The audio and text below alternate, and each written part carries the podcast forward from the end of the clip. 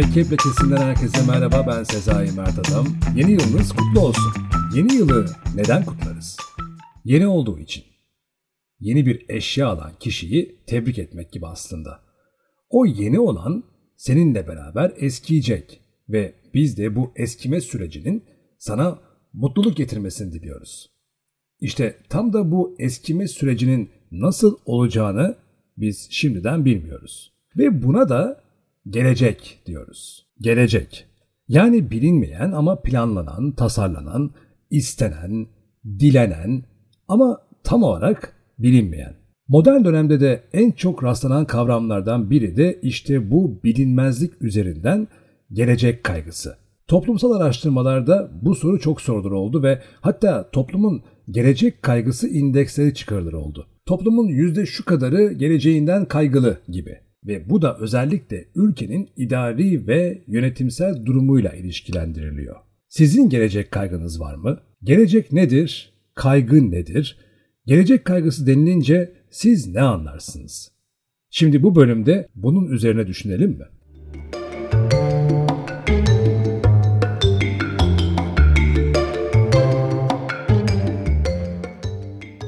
Gelecek kelimesi Türkçe'de gelmek fiilinden türüyor, orası belli. Yani yeni bir zaman dilimi gelecek. İngilizce'deki future kelimesi ise pek çok batı dilinde de benzerleri kullanılacak şekilde Latince futuro kelimesinden geliyor. Ve anlamı da olmak üzere olan.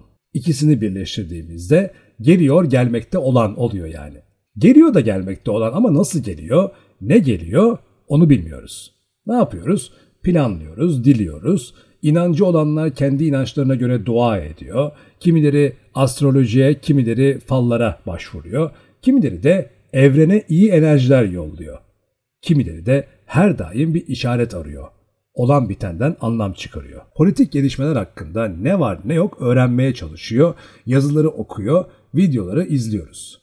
Ama tam olarak bilmiyoruz. Risk nerededir? Risk kontrol edemediğimiz yerdedir tam olarak kontrol edemediğimiz işte bu gelmekte olanlar da dolayısıyla risk barındırıyor. Ve risk de kaygıyı yaratıyor. Buraya kadar tamam ama ne için risk alıyoruz ve neye kaygılanıyoruz? Belki bunun için soruyu tersten sormak işe yarayabilir. Gelecek kaygım yok demek için neye ihtiyacımız var? Garantilere. Peki ne gibi garantiler arzu edersiniz? 10 yıl çalıştınız ve para biriktirdiniz. Diyelim bununla bir ev aldınız. Evin sizin olduğunu ne kanıtlar? Tapu. Tapuyu kim verdi? Devlet. O halde sizin garantiniz artık devlet. Devlet garantisini nerelerden alır? Yasalardan. Yasaların güvenilirliği nerededir? Hukuk ve adalet sisteminde ve o da gücünü verdiği kararların yaptırımı olan kolluk kuvvetinden alır ki o da aynı devlet tarafından kullanılır. Aynı şekilde bu parayı belki bir bankaya yatırabilirsiniz. Artık paranız banka hesabında yazan bir sayıdan ibarettir. Sizin o sayıya baktığınızda size ait olduğunu söyleyen bankaya nasıl güvenirsiniz? Yine yasalara ve az önce bahsettiğim devlet mekanizmalarına. Bunu tüm satın almalarınız için aynı şekilde söyleyebiliriz. Nereye geldik o halde? Adalet mülkün temelidir sözüne. Söz konusu mülk sizin mülkünüz ve İçinizi rahat ettirecek olan da mülkünüzün garantide olması. Peki ya devlet mekanizmalarında olan güveniniz azalmaya başlarsa?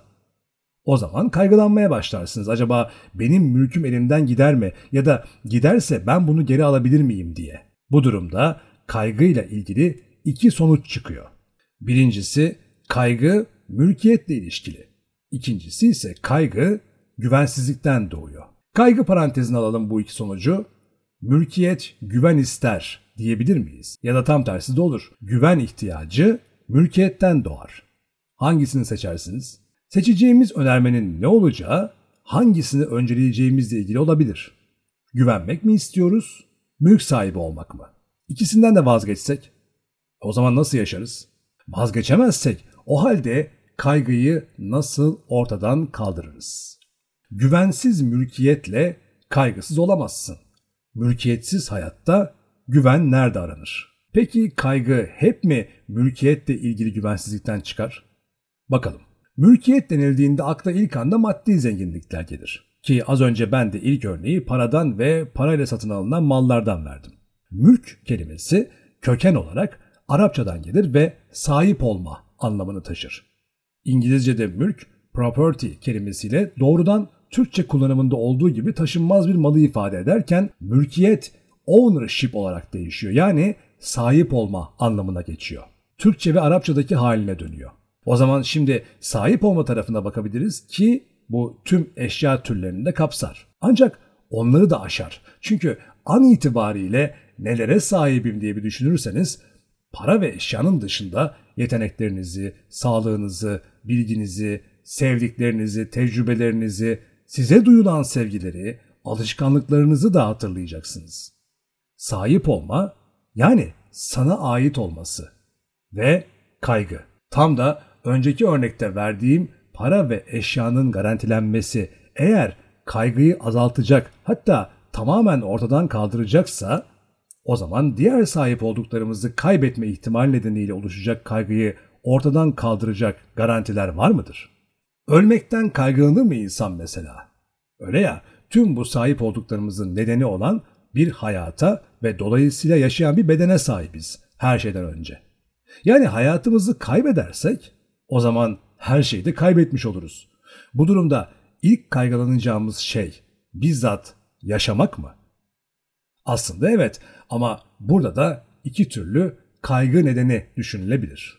Birinci kaygı nedenimiz öldükten sonra geride kalanlar, geride bırakacaklarımız ve belki de vazgeçtiklerimiz.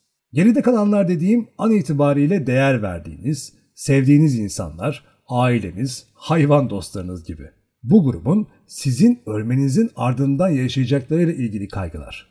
Filmlerde dizilerde çok gördüğümüz bir sahnedir. Kafasına silah doğrultulmuş kişi doğrultana çocuklarıma acı ya da çocuklarım var beni öldürme der. Yani bakmakla yükümlü olduğum kişiler var. Bensiz hayatları perişan olur. Bu perişan olmayı da aslında salt mali değer üzerinden almayabiliriz. Hayatlarında olmadığınız takdirde mutsuz, eksik hissedeceklerini düşündükleriniz olabilir. Dolayısıyla bu nedenle yani geride kalanlar grubu üzerinden sizin başınıza geleceklerden kaygılanabilirsiniz. Bu yalnızca ölüm değil. Mesela hapse girme, sakatlanma, geçim sıkıntısına düşme olarak düşünülebilir.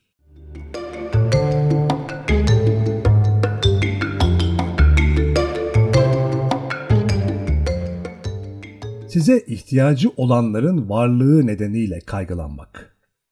Diğer kaygı nedeni de yaşayacağım ama nasıl yaşayacağım sorusu üzerinden şekillenebilir.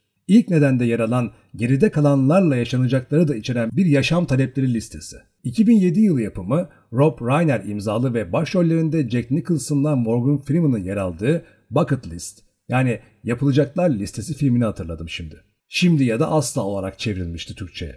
Filmde iki ihtiyarın kesişen yollarında hayatlarının son evresinde o ana kadar yapmak isteyip yapamadıklarını hayatları bitmeden gerçekleştirme öyküsü vardı. Herkesin bir bucket listi vardır ve bu liste belki her yıl güncellenir. İşte gelecekte yaşanacak ölüm, sakatlanma, aciz kalma gibi durumlarda bu listenin tamamlanamayacağı ya da hiç gerçekleşemeyeceği düşüncesi de kaygı yaratabilir. Buna da geride bırakılacaklar denilebilir. Hayaller ve hedefler yani. Şimdi bu iki kaygı nedeninin önceden bahsettiğimiz mülkiyetle ilgili kaygılarla benzerliği var mıdır? Yani birinde mevcutta elde bulunan parasal bir değer söz konusuyken diğerlerinde manevi değerler, duygular, ilişkiler, hayaller, hedefler var. Aslında ikinci grupta yer alan bu kavramlar da mülkiyetle ilgili. Geride kalanlar olarak tariflediğim bu kısmın bir bölümü mevcuttaki mülkiyetimiz Diğer bölümü de fikri mülkiyetimiz. Eşimiz, dostumuz, arkadaşlarımız, yaşam alışkanlıklarımız, özetle sahip olduklarımız, ait hissettiklerimiz bizim mülkiyetimiz. Onlara kendi bakışımızla kendimiz için değer katıyoruz. Ait hissetmenin de bir tür sahiplenme olduğunu düşündüğümüzde bunların tamamının kendi mülkiyetimiz olduğunu anlayabiliriz. Ve kaygılanmamız da işte bu duygu setinin kaybı ihtimalinden kaynaklı. Sokakta yardıma muhtaç birini gördüğümüzde en fazla o anda kendi takdir ölçülerimizde bir maddi yardım ve veya manevi olarak onun iyi hissetmesini sağlayacak hareketler yaparız. Ancak evde bizimle olanlara, tanıdıklarımıza, arkadaşlarımıza daha fazlasını, olabilecek en fazlasını sunarız. Çünkü onlar bizimdir. Diğerleri ise an itibariyle aynı yerde yaşadığımızdan ötürü çok daha az bizimdir. Peki onlar neden bizimdir? Çünkü tercih etmişizdir. Peki nasıl tercih etmişizdir? Her bir yakınımız ve değer verdiğimizde olan hikayemize biz zaman ayırıp tek tek bakarsak nasıl tercih ettiğimizi anlayabiliriz. Geride kalanların hedef ve hayal kısmı için ise son yıllarda popüler olan ve muhtemelen bazı insanların da irrite olduğu bir kavramı kullanmak istiyorum. Fikir satın alma. Şu anda gelecekte yapmak istediklerimizi gözden geçirsek, seyahatler, yemekler, zevkler, tatminler, edinimler ve edimler yani kabiliyetler göreceğiz. Peki bunları hayal ederken ya da hedef olarak tanımlarken neden bunları seçtik? Bir yerden öğrendik, gördük, sevdik de ondan. Ancak onlar şu anda yok. Diğer yandan da aklımızda var. Daha önce bahsettiğim somut olarak şu anda bizim olan maddi ve manevi değerler de aslında aklımızda var. İkisi arasındaki farksa birinin şu anda bizim olduğuna ikna olmamız, diğerinin ise bizim olmadığına ikna olmamız. Beynimiz bizden öğrenerek çalışıyor. Yani o somut olarak bize ait olanların şu anda elimizde olduğunu kendimize biz söylüyoruz. Öbürü yani hayaller de bizimle yaşıyor. E o halde olanlarla olması istenenler aslında yapısal olarak aynı formda duruyor beynimizde. Ve hepsi bizim mülkümüz. Ve kaygı da bu bütün mülkiyet yapısının elden gideceği üzerine gerçekleşiyor olabilir mi? Kaygı duymak da korku, sevinç, panik, hırs ve benzeri bir duygu türü. Olması gayet doğal.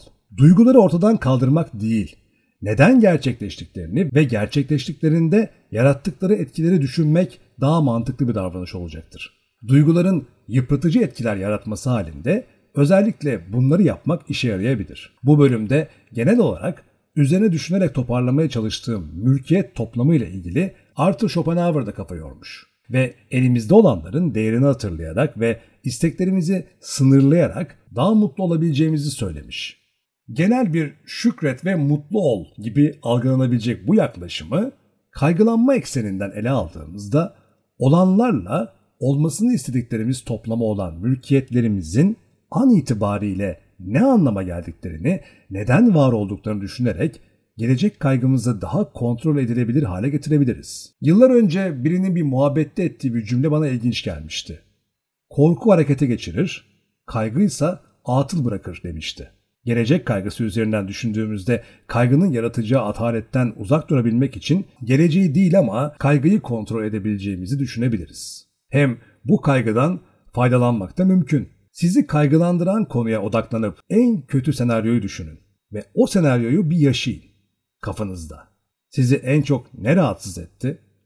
Parasızlık mı? Gurur yitimi mi? Başarısızlık hissi mi? Yalnızlık mı? İşte onu bulup o bulduğunuzun size ne ifade ettiğini düşünerek kendinizde bir değişim başlatabilirsiniz. Bu bölümü noktalarken Bucket List filmini ve hazır film demişken yeni seyrettiğim Asgar Fahradi imzalı The Hero'yu tavsiye kutumuza koyalım ve Nazım Hikmet'in dizeleriyle tamamlayalım. İnsan öleceğini bile bile nasıl yaşar? Ya çıldırır ya da öleceğini unutur. Ve evet, duyguların bize etkilerini hissediyorsak yaşamaya devam ediyoruzdur. 15 dakika öncesinin geleceğini şu an yaşadığımız gibi. Mürekkep Lekesi'nin bu bölümünde gelecek kaygısı üzerine sorular sormaya ve sizinle beraber ben de düşünmeye çalıştım. Umarım o sorular ve o düşünmeye çalışmalar işe yarar bir bölüm haline gelmiştir. Ben Sezai Mert Adam. Bir sonraki bölümde yeniden görüşmek üzere. Hoşçakalın.